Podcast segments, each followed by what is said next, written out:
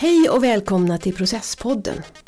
För att lyfta fram vikten av den konstnärliga processen bjuder Transit och Filmbasen in konstnärer från olika fält och med olika erfarenheter till en serie publika samtal om sina arbetsprocesser.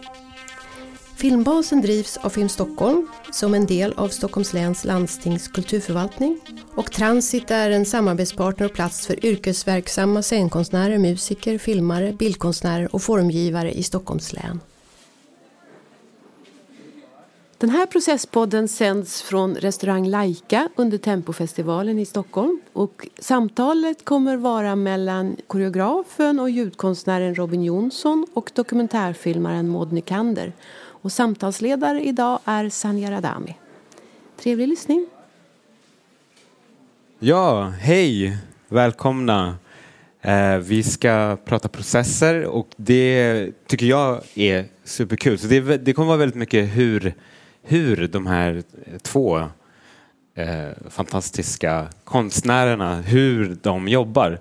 Eh, och, eh, så det, det, är själva ingången till det hela. Eh, så jag är jätteglad att ni är här. Välkomna.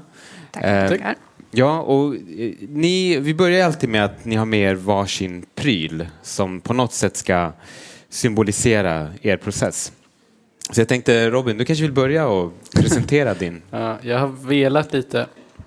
Först skulle jag ta med en penna, eh, men det var tråkigt. Eh, och sen har jag ändå med, jag repar med en robot som är här i en låda, men jag vill inte ta fram den för den känns som den kan ta över lite.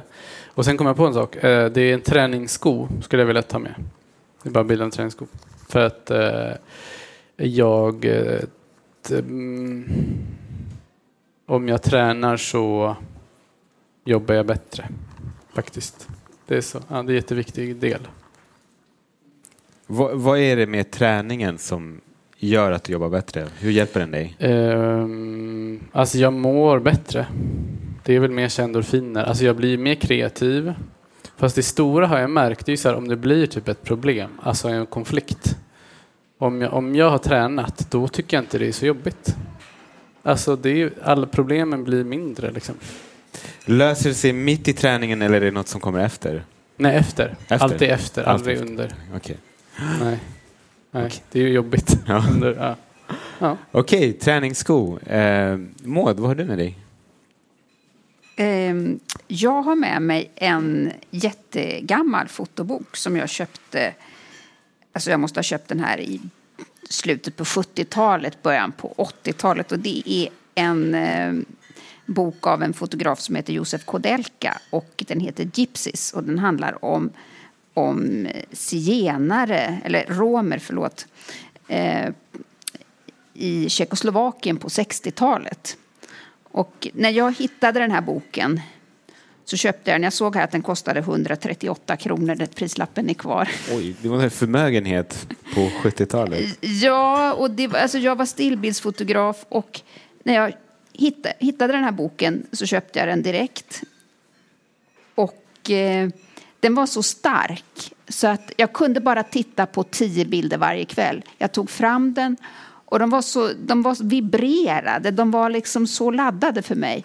Och den Alltså det är väl kanske min största konstupplevelse eller, ja, ja, i hela livet skulle jag säga. Den här. Som, och det, man kommer ju inte riktigt tillbaks. Alltså man, det har inte den här nyheten, jag var tonåring, alltså det har inte nyhetens eh, så fräschör, man, man är så mottaglig. Så att, och vad, vad, var det i den som berörde dig? Alltså jag höll ju på med foto och, och uh, började ja, jag hade gått fotoskola och så, så jag började väldigt tidigt. Och det var någonting med de här bilderna det hade inte behövt vara romer, det hade kunnat vara liksom människor var någonstans som helst på jorden. Och jag har aldrig läst texten om den, liksom, även den var väl på engelska, men det har aldrig intresserat mig, vilket ju då, det slog mig nu, men jag har ju aldrig ens läst texten när jag tog, tog ut den ur bokhyllan.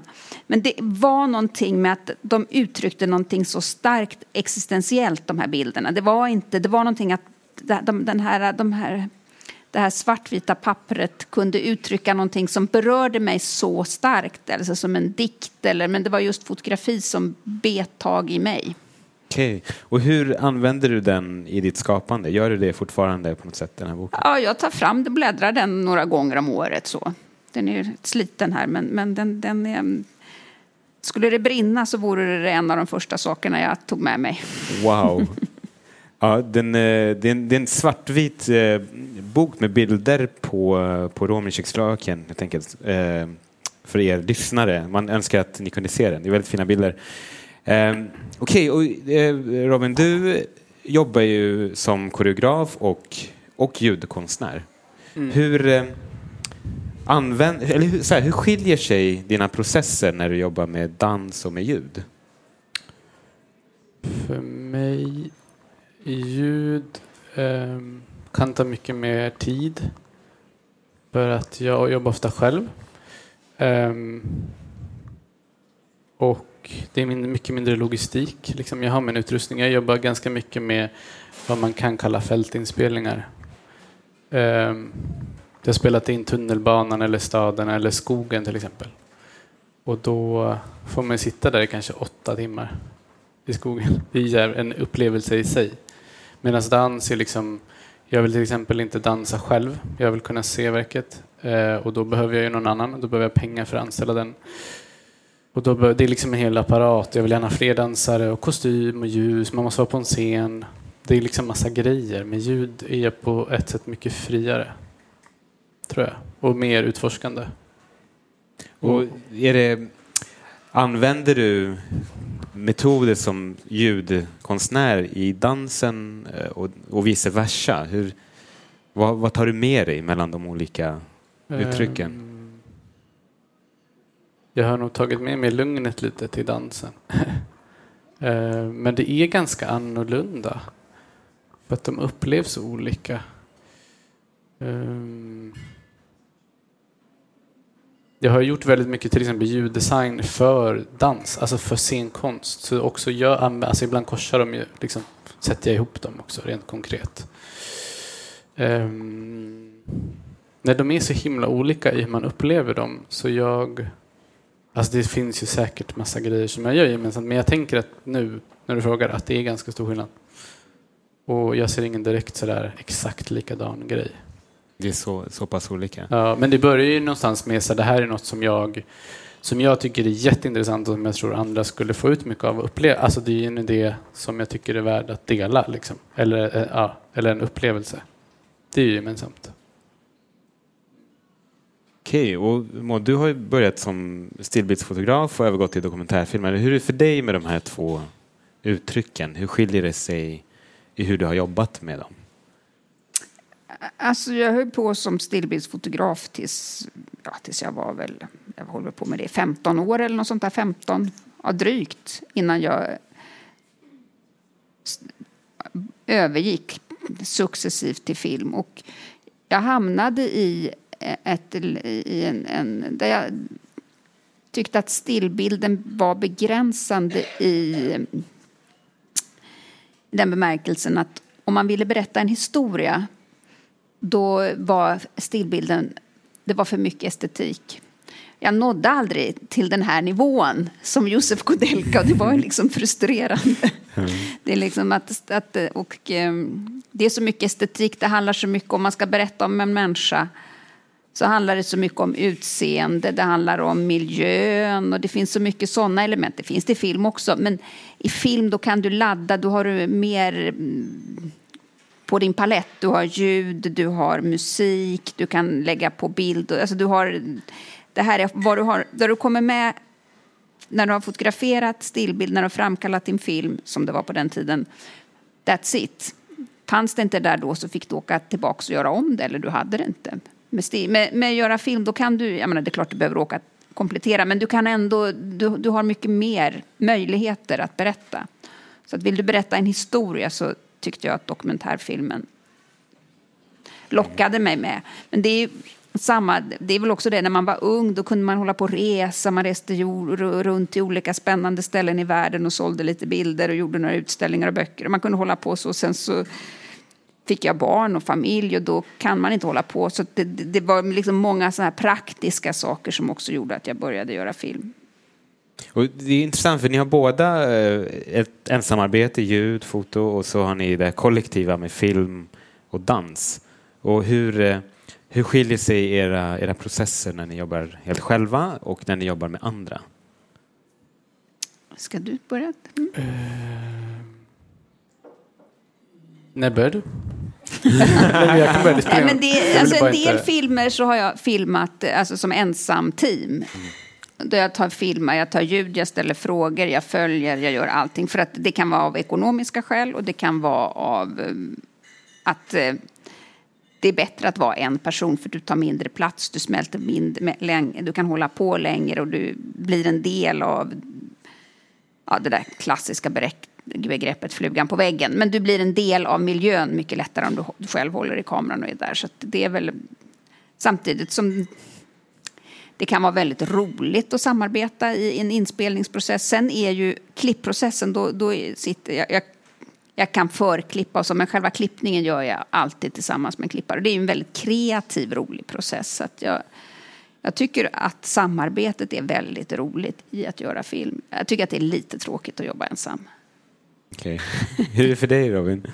Jo, det är också lite ensamt men också väldigt skönt. Varför det? Jag, själv. Alltså jag har ju två små barn. Så det är så här, liksom bara att sitta i skogen. Det är, så här, nej, men det är något bara för att vara i fred. Mm. Ehm, faktiskt. Och bara, det är väldigt så här upp, upplevelsebaserat. Det är liksom vad jag känner någonstans. Dans är inte det för mig. Ehm, Medan till exempel med dans och en grupp tycker jag vi är väldigt mycket effektivare. För vi är liksom fler som tänker. Så det går ju liksom snabbare till ett så här, ah, alltså med ljud har jag det verkligen lång tid för jag är själv. Så det är effektivare för vi är fler med dans. Och på, på tal om effektivitet och att snabbare. Eh, det kan ju ta så lång tid med processer. Har ni några knep för att påskynda processen? Hur är det för dig, Maud? Alltså processen, vad menar du då specifikt? Själva, från att ni får en idé tills att den är färdigproducerad. Själva skapande processen. Alltså när man gör film så är den tyvärr så, du måste ha liksom pengar för att göra film. Så att den är ju, det, det är ju liksom en process då är finansieringen tyvärr en del av den. Den är ju inte så tro, rolig att prata om. Men om man säger vad, vad, som driver mig att starta med någonting, det är alltid liksom en nyfikenhet. Att det, och jag är, jag är nästan patologiskt nyfiken. Jag kan sitta, nu har jag liksom lärt mig av med det, men när jag åker tunnelbana så har folk sagt till mig när jag var ung, jag blev tillsagd säkert en gång i månaden, vad glor du på? Jag, menar, jag, jag tittade för mycket, det var oförskämt. Jag satt och, jag, det, det, var, något, det var lite, alltså lite, lite, lite för mycket. Och det är ju en väldigt god egenskap om man är dokumentärfilmare, man är väldigt, väldigt nyfiken. Och alla, vi, vi vill ju alla bli sedda, så det är liksom det man kan erbjuda som dokumentärfilm, att man är liksom sjukt nyfiken. Och det är ju nästan lite, ja det är lite, ja det är lite på gränsen. Kan, kan det vara att det går långsammare för att du är så nyfiken? Nej, det tror jag, det tror jag, är, jag tror att det är en mm. motor att vara nyfiken. Sen, måste du, sen så kan du vara så jätteöppen för någonting och sen så kan du, sen måste man vet, ta ett beslut om man vill fortsätta med den idén. Oftast handlar det om att det är en person man har träffat som man vill göra en film om. Att man får en idé. Sen har jag börjat göra filmer där jag liksom börjar göra research och så känner man efter ett tag, nej, vill jag ägna ett år åt det här med all den möda och allt kommer att bli tillräckligt, tror du tillräckligt mycket på det här? Och att man då backar ibland. Nej, det här, nu har jag lagt ner en månad på det här. Nej. Och då tror jag att det är jätteviktigt att backa. Nej. Att driva projekt som man inte tror på, att söka på. Du kan ju få pengar för ett projekt som du inte själv tror på. Det kan ju, det kan ju hända. Och det är, det är så mycket jobb med det, så då ska du liksom släppa det. Så det är väl liksom det, tror jag. Det, ja. det, är en erfarenhet som jag har gjort med, liksom, jag har ju hållit på så länge nu, men det, det är att släpp det när, du inte, när du, lusten inte finns, när du känner att lusten inte riktigt finns där. Och hur är det, för man kan ju också komma i ett motstånd i ett projekt mm. Där eh, man känner för att backa. Mm. Och eh, hur vet du skillnaden mellan att det här är inget jag ska göra eller nu, har jag, nu stöter jag på någonting som är, som är svårt. Mm. Jag behöver komma alltså, över, komma när förbi. När jag väl har tagit det där beslutet, då, finns det liksom, då tänker inte jag att jag inte ska göra det längre när jag väl har bestämt mig, då kör jag liksom tills det blir klart. För du kan inte hålla på och, och liksom, varför gör jag det här? För då, det, då blir du, det går inte. Utan när du väl har bestämt dig för att, nej men nu kör jag. Och eh, jag brukar när jag liksom kör fast i en klippprocess eller vad jag ska ställa för frågor. Jag brukar gå en promenad, det är jättebra. Jag brukar simma, det är jättetråkigt, det är bra. Åka tåg är bra. Alltså försätta sig i sådana här där man inte gör någonting. Och sen så att inte tänka på det. Utan det är som att lägga det lite bakom örat och sova på saken. Och det, det, det är någonting som jag tycker man har lärt sig med åldern. Att när man möter på motstånd, man lägger åt sidan lite och sen så löser det sig lite av sig själv. För allting, det finns ju en lösning på i stort sett allt. Men det behöver, det är också om någon frågar en om ett, om en, ett snabbt svar så, brukar, så har jag lärt mig sen, nej men jag får nog fundera lite på det. Man behöver inte ha ett svar direkt. Utan det är ofta så här, låt det sjunka ner lite. Det där att man förhastar sig, det, det, det är ganska ineffektivt. Okej, okay, hur, är, hur är det för dig då när du fastnar? Vad gör du för att komma loss? Um, tränar. Läs ner på allt. Men det är ju det. Alltså, ibland också, du sa så under, ibland löser sig ja. saker under träningen. Mm. Det är också lite som du sa, man gör inget, eller man bara gör något väldigt konstant, och så då bara, ah. Men också så här, det blir typ inte ett problem. Alltså det beror på mm. vad du menar med, eh, alltså att man fastnar. Eh, men det beror på, ah, helt på vad du, vad du menar. Och man, alltså man kör fast i sin process, man kommer inte vidare, man känner att man, eh, att man bara står och stampar. Men det finns ju stoppen som är så här, det, typ så här, det finns ingen som gillar den här idén i hela världen. Ingen vill ge det stöd, ingen samma. Det är ju ett stopp som är så här, ah, men då lägger jag den på is. Men om det är liksom bara att vi under rep, då, det går ju alltid att lösa. Eh, man behöver typ ta in hjälp. Det är jätteofta har jag visningar um, för vem som helst. För att bara så höra, för man blir helt insnöad. Alltså man tror ju så här, ja, vi jobbar på det här, det är så jävla tydligt. Och ja, så kommer någon och bara, nej. Men det handlar om det här istället. Eller jag såg det här. Alltså det, det behövs, man behöver ju liksom få förfriskningar. Och hur är det med, med feedback? När, när brukar du ta in feedback i, i din process? Typ ofta så. Redan från början, ja, ja. direkt med idén? Mm. Ja. Och sen eh, under, hur, hur, ser det ut under loppet? Fram alltså till som slut nu repar vi kanske tre och en halv månad. Och då, mm, alltså det kommer ju hela tiden, till exempel bara när man möter ljuddesignen eller kostymdesignen, då blir det ju som att man liksom lägger fram projektet och får massa feedback på det. Eh, men sen har vi liksom, vi har ett så kallat yttre öga som kommer kanske varannan vecka.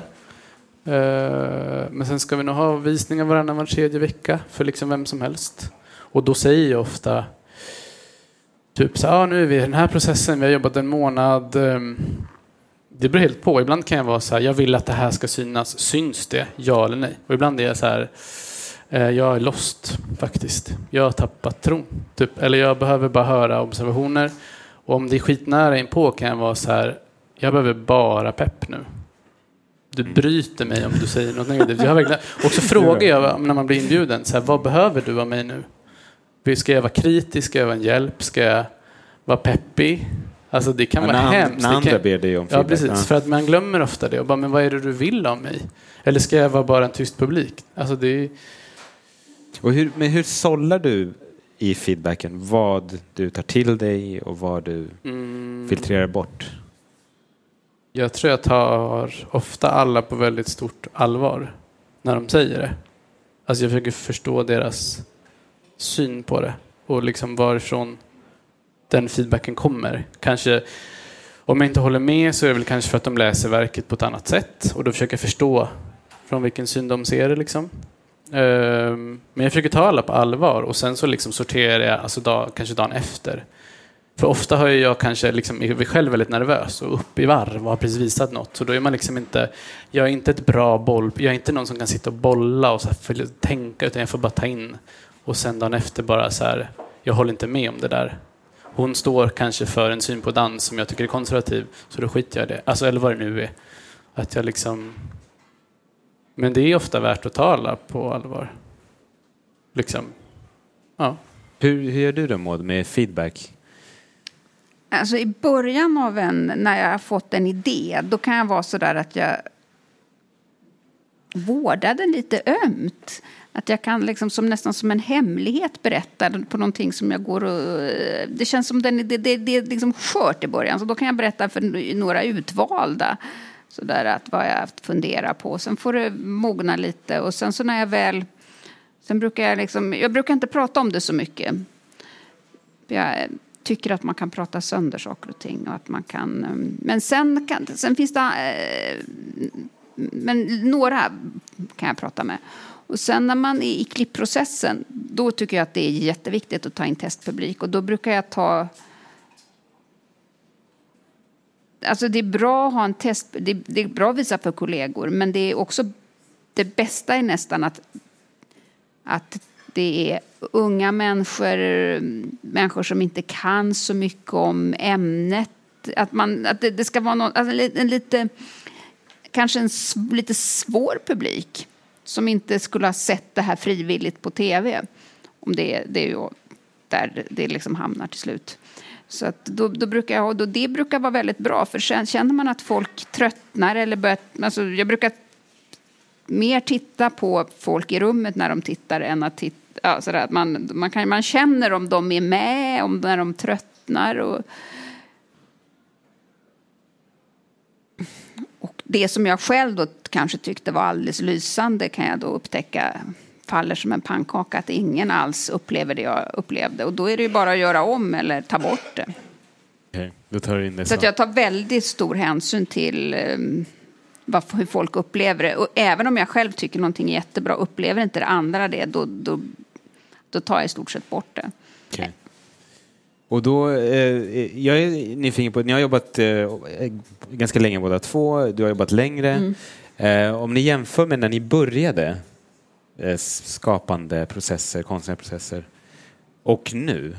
Är, hur skiljer det sig hur ni jobbar? Kan ni se hur ni har utvecklats, faser ni har gått igenom?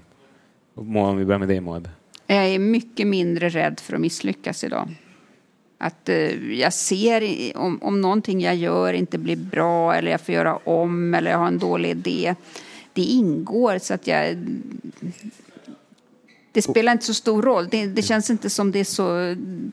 Det ena leder alltid till det andra. Och många saker som jag kanske gjorde som stillbildsfotograf använder jag idag som filmare. Jag menar, det, finns, det går ihop, så att jag tycker inte att... Jag, hur, hur kom du fram till det där att du inte är rädd för att misslyckas? Minns du hur, hur det gick till? Hur tänker du nu som du inte gjorde tidigare? Alltså misslyckas tycker jag inte riktigt finns. Det, det, man lär sig alltid någonting på det och kanske mest på det som kanske inte resultatet blev så... så det är väl, för mig är det verkligen så och det är ännu mer nu eh, när man har hållit på länge. Det är verkligen att eh, det är processen som är det intressanta. Resultatet är inte lika intressant. Och det, det kanske man kan säga när man har liksom kunnat försörja sig på det här i, länge och, och liksom ändå har ett fungerande yrkesliv i branschen. Men, men det, det, är, det är faktiskt verkligen det som är motorn och det roliga, det är processen. Det är intressant just med misslyckande. Har du, har du något exempel på en process som du tycker var, blev misslyckat? Och vad var det som hände? Vad var det i den processen som inte funkade? Alltså, det, det kan vara att man har en för teoretisk...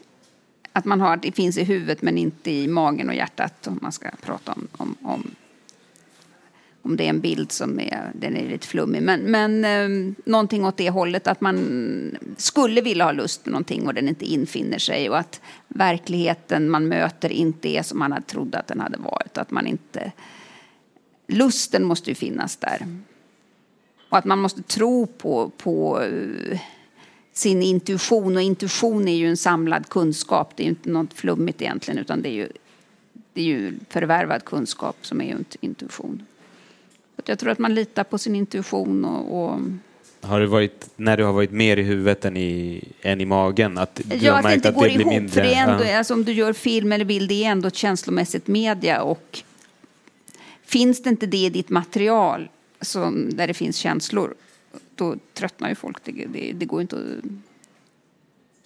Då får du skriva en bok istället Ja. och formulera det bättre. Men, men Det kanske är orättvist att du får berätta om ett misslyckat projekt, men hur, om du får berätta om ett lyckat, en lyckad process. En lyckad process. Och vad, vad var det som gjorde den lyckad?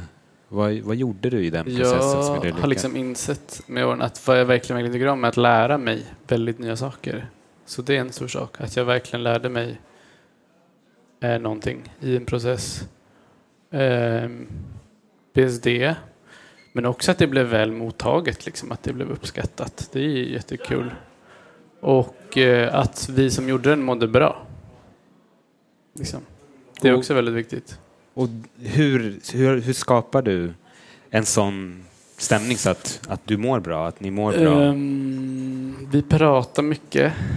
Vi pratar makt och beslutstagande och beslutsprocesser och ehm, ja, men förväntningar, alltså samtycke rent av. för mig. jag förväntar mig att du ska göra det här, tycker du att det är okej? Alltså inte naket ens, men bara det kan ju vara liksom att man har väldigt tydlig deal. Ehm, och så här över, övertydlig. Det här är så det kommer vara. Det här är det jag kräver av dig. Liksom, känns det okej? Och att lyssna på svaret. Att inte liksom, inte så här, annars är du ute. Utan ta in, alltså som jag skulle vilja bli behandlad.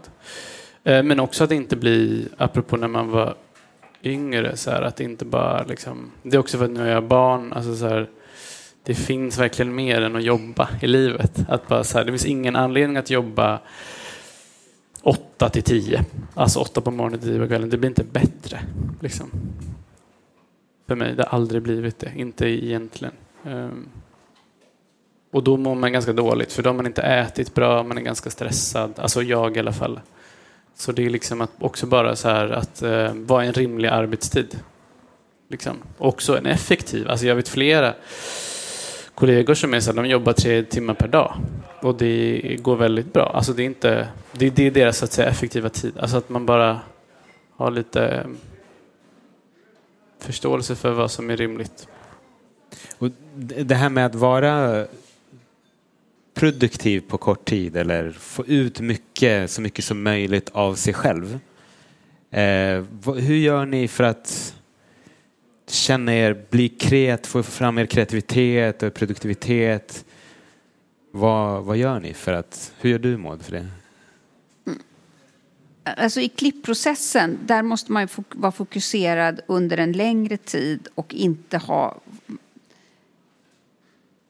för många andra saker, inte andra projekt i huvudet. Du kan ha lite, kanske någon inspelning, men jag, jag kan aldrig klippa två projekt parallellt. Det har jag, har jag försökt, men det funkar inte.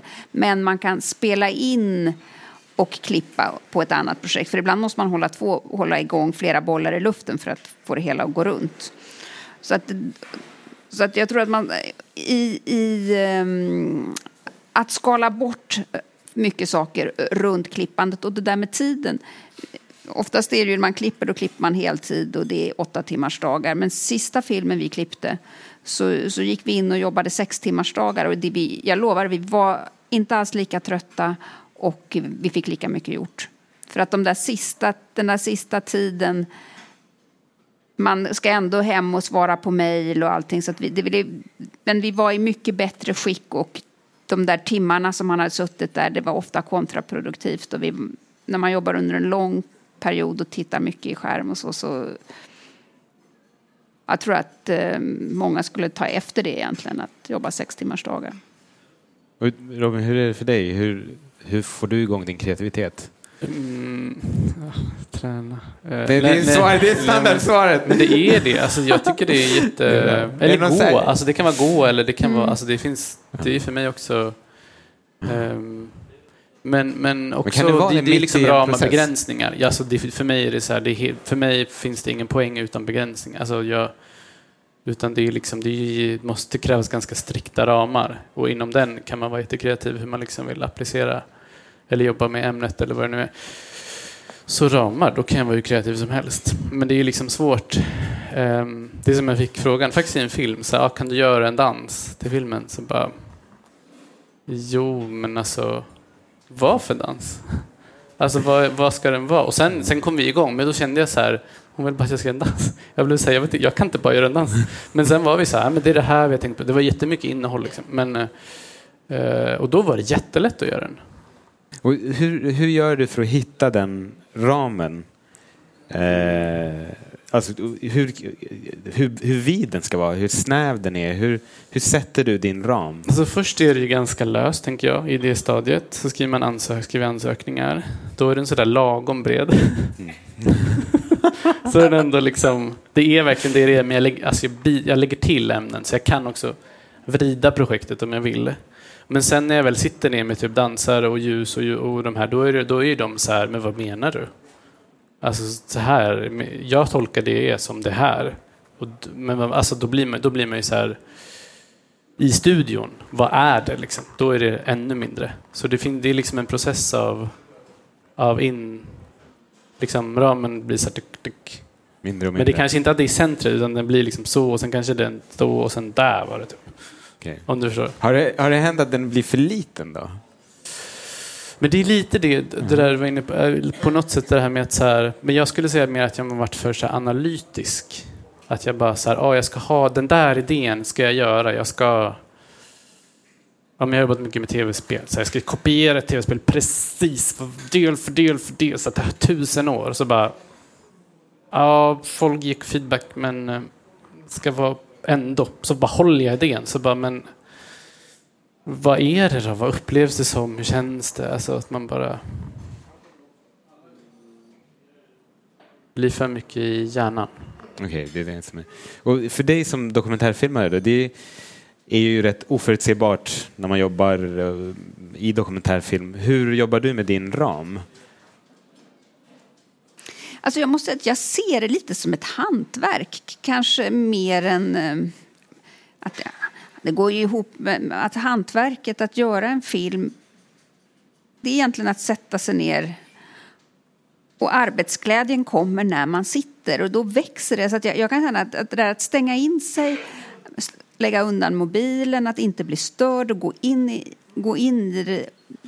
Det är väl likadant för någon som liksom är, bygger bilar eller vad man än gör. Det här att man kan fokusera på någonting och glädjen i att få bygga någonting som blir någonting. Man lägger en bild där och en bild där och plötsligt händer det någonting. Den där lyckan. Och det är ju säkert någon liksom funktion i hjärnan som ger lite endorfiner. Jag menar, det, det, det måste ju vara någonting varför man tycker att det är roligt med skapande processer.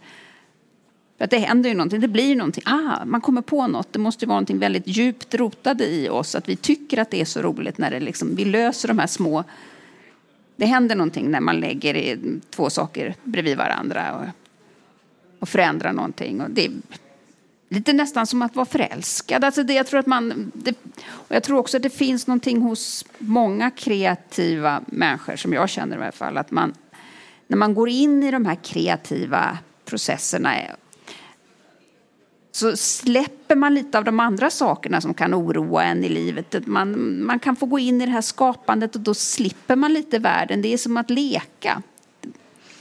Och det är ju en, att man kan, man kan få vara där i det där ögonblicket som jag tror egentligen är lek. Just det. Och då, vi, vi har ju haft en liten bubbla här. Jag tänkte, det finns ju lite publik som sitter här. Om, är det någon som har en eh, fråga så passa på nu eh, till Maud eller Robin. Ja.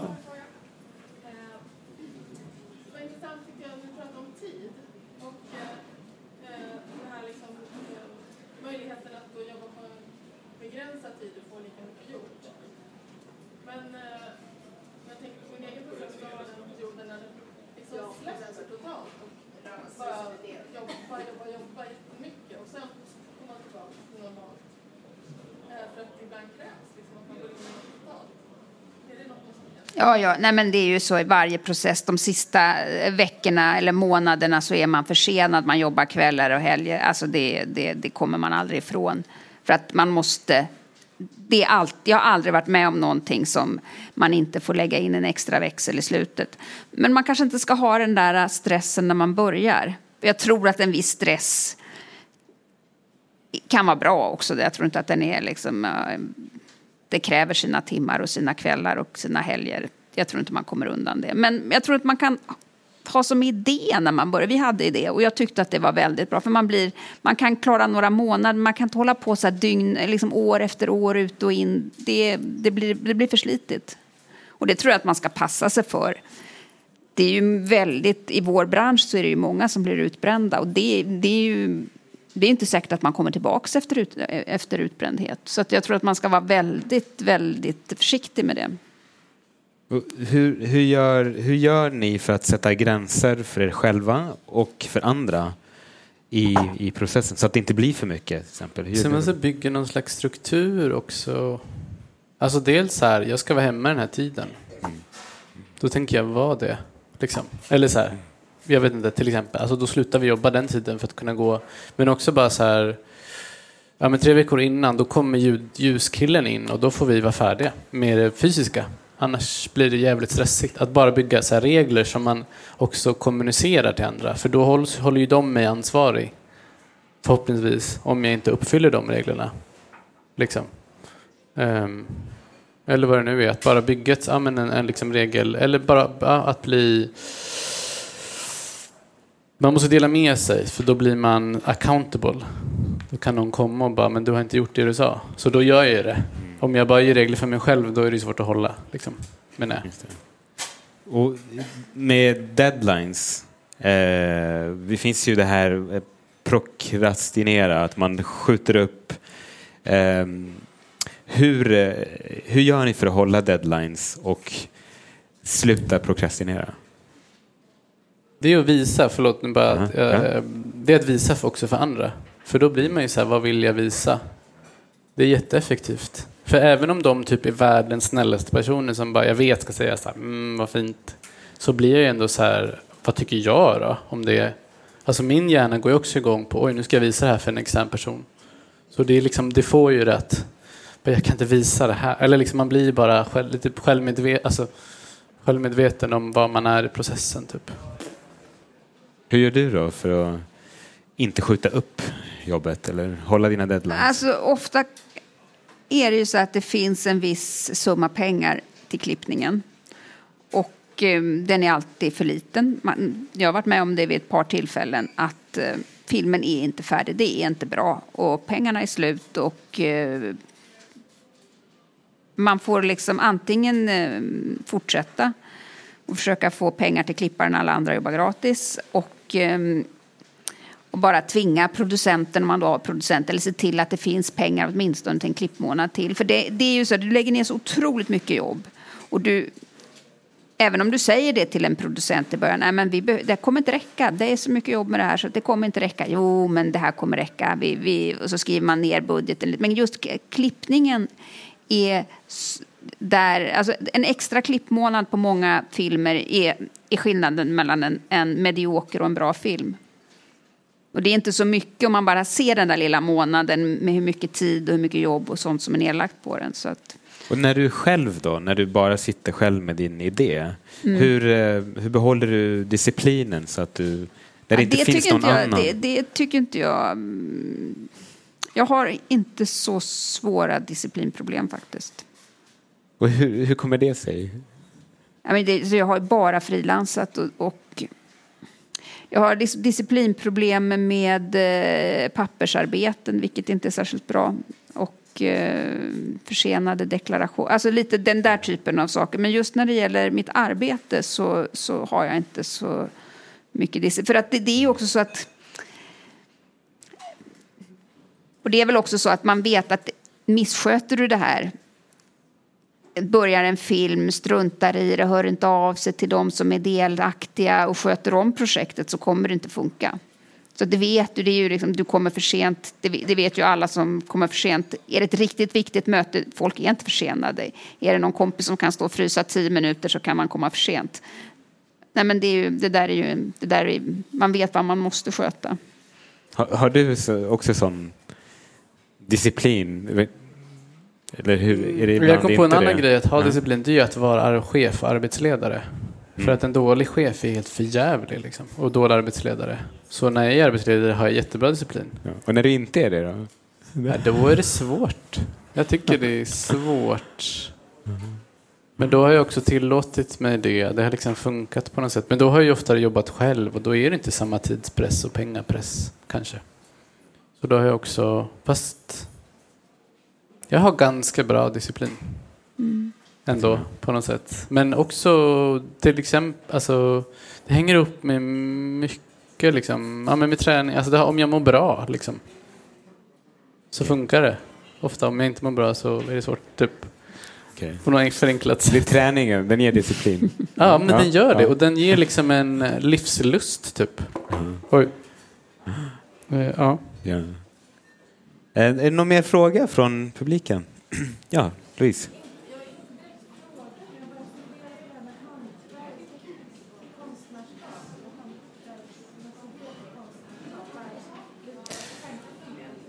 Frågan är eh, konstnärskap och hantverk. Hur, eh, hur tänker ni kring de två begreppen? Är det någon skillnad? Eller? Alltså jag ser lite mitt jobb som ett hantverk, att berätta historier. Och så har man massa olika saker som man använder för att, att eh, göra det. Och det är väl det som är den liksom, kreativa processen. Men, men jag ser det som ett arbete. Jag ser, inte, jag ser mig inte... Jag ser inte på mig själv som konstnär egentligen. Utan jag ser mig som en som gör film. Och som arbetar med det. Det, det är inte... Det finns någonting kanske... Men det är ju konstnärliga processer så att det där är... Det, och- och men hur- men det, alltså det, arbe, den konstnärliga processen sätter ju inte igång förrän jag börjar arbeta. Just det. Och och hur ser du på en konstnär då? Om du inte ser dig själv som en konstnär, hur, hur, vad är en konstnär för dig? Det är på något sätt, ska jag säga, det, jag måste ändå anpassa det jag gör. Den liksom, slutresultatet måste ändå gå att sända på tv. Det måste innehålla så mycket kompromisser. Eller kanske det är det jag gör. Jag gör tv-program, det kan man säga att det är det jag gör.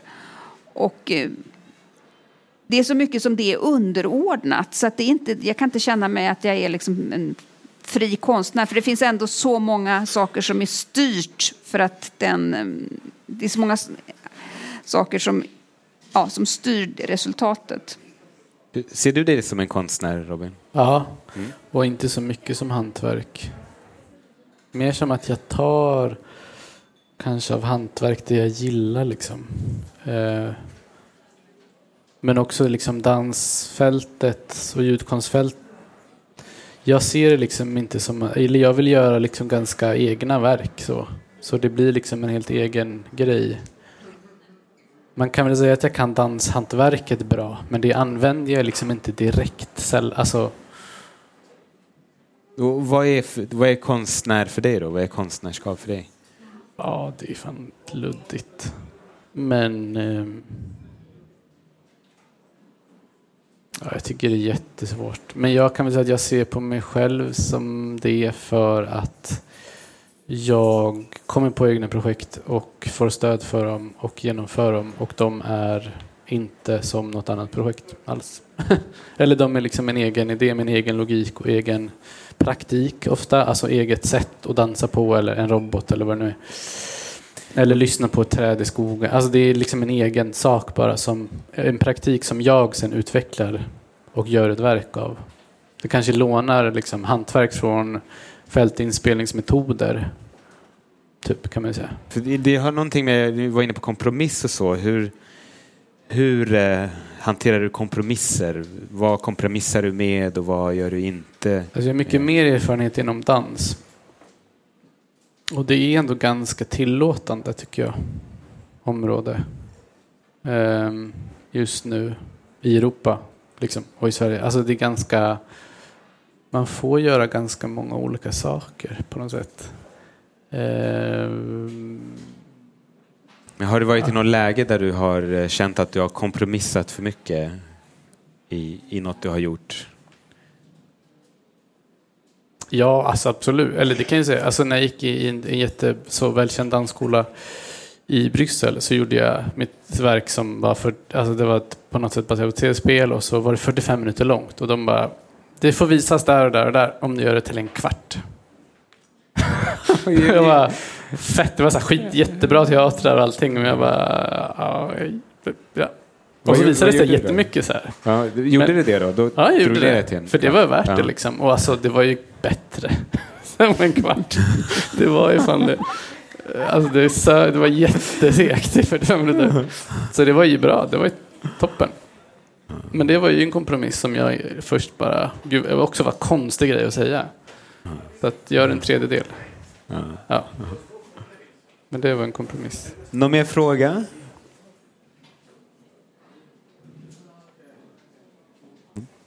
Ja.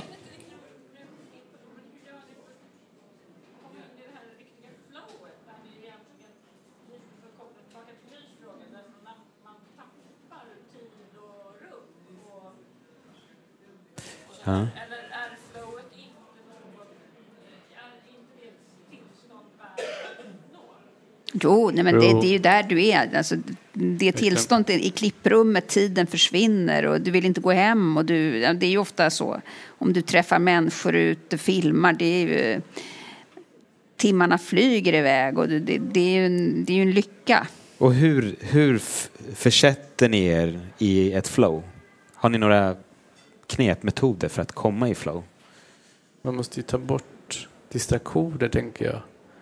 Alltså också sociala till exempel. Man måste ha grundat så här en trygghet i att om man jobbar ihop, att det här är det vi gör och vi... Alltså det är liksom bara inga distraktioner. Eh, och tydligt ämne, begränsat ämne. Man har liksom ett gemensamt, gemensamt mål, tydlig deal, tydlig maktstruktur, alltså tydlig beslutande processstruktur. Då, Då, är, då, är det, då kommer det då flow. bara kör man ju. Då kör man. Och så lite Ja. träning på det också. Ja, men alltså, om man ska, hur- sen ska iväg på en inspelning för dokumentärt, då är det ju liksom, man ska ju då träffa människor. Och, men då brukar jag vara väldigt väl förberedd. Om, jag ska, om det är en intervju så kan jag liksom skriva en lapp med 30 frågor som jag har i bakfickan. Jag brukar aldrig titta på den, men jag har den där i bakfickan och jag vet att jag har skrivit den och får jag ett hjärnsläpp så vet jag att jag kan ta fram den. Och, och om, men jag är väldigt väl förberedd mentalt. Och att jag liksom tänker igenom dagen, tänker igenom inspelningsplatser, tänker igenom frågor. Sen kanske ingenting blir som jag har tänkt mig, det blir ju ofta så. Men då har jag ändå att att jag är mentalt förberedd och jag har koll på alltså, teknik och att, att, att jag inte blir störd av alla de här momenten som du, aldrig komma för sent, jobba med en fotograf som kommer för sent. Om man jobbar med fotograf, det kan förstöra inspelningen för att du kommer, folk är beredda och ofta om du kommer hem till folk, de har inte så mycket tid kanske och de är nervösa och då kommer du en halvtimme för sent och då kan det vara helt kört. Eller att man inte har koll på tekniken, har fram. Alltså det är, så, sådana saker förstör en inspelning. Och hur, vad händer då när, när saker inte blir som man har tänkt sig? Det händer ju väldigt ofta. Vad, hur förhåller det? Hur gör du för att ändå jag kan, alltså om man är ett team och, om, och ibland jobbar man ju med människor som man, inte sam, som, man inte, som man kanske inte är så synkade med. Då måste man mm, försöka prata igenom det till nästa gång. Man kan ju inte vara osams på plats eller liksom säga till varandra eller, eller stå och fräsa åt varandra på en inspelning. Det ju, det måste ju, folk ska ju bara känna att, att de är liksom att vi är så taggade och att det ska bli liksom, att det här ska bli kul och att de ska känna sig bekväma. Då kan man inte komma in stövlande och bara komma för sent och inte veta var man har kamerasakerna. Det ska ju egentligen vara helt ihopplockat när man kliver in genom dörren, helst. Och hur, Robin, hur gör du när det inte går som du har tänkt dig Jag i kom- stunden och du, och du just då behöver Jag lösa kom det? bara på en sak, det här med flow. Alltså man kan också försöka ge varandra flow.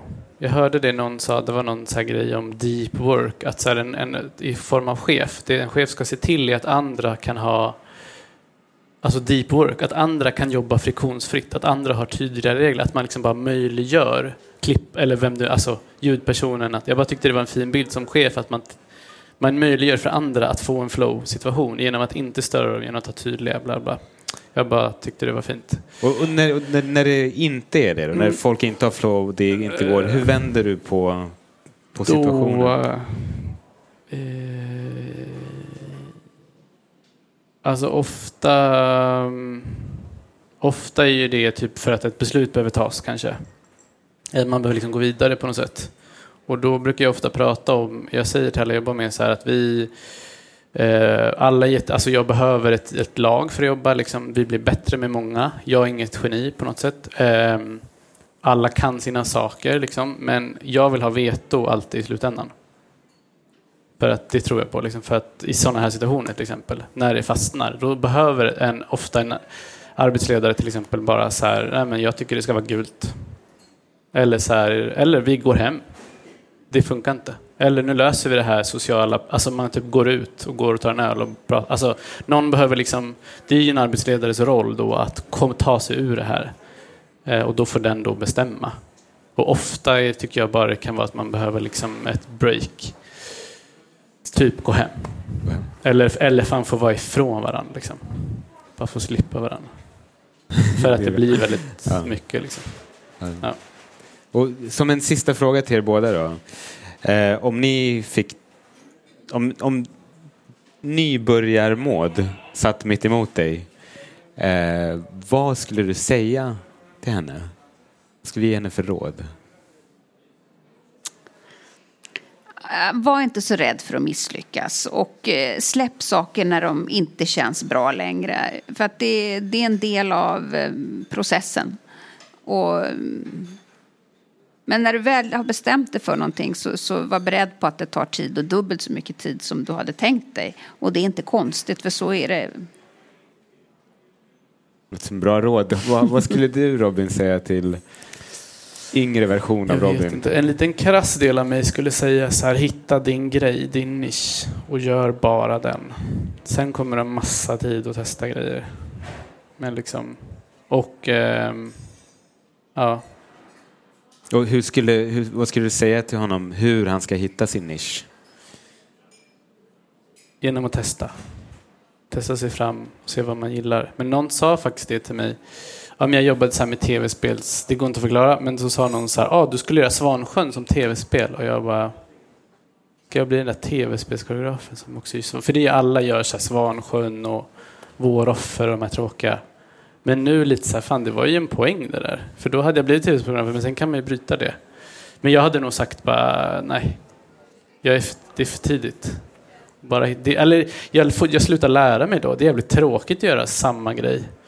Men jag vet inte hur det är annat, men i koreografi är det ju alla stora koreografer har ju gjort verkligen sin grej så, så länge. Okej. Ja, det är bra råd. Stick, hitta din nisch och håll vid det. Och, och var inte rädd för att misslyckas. Eh, tusen tack för att ni var med och delade med er av era processer. Det är vi jätteglada för. Så tack, tack för oss. Tack för att du fick komma. Mm.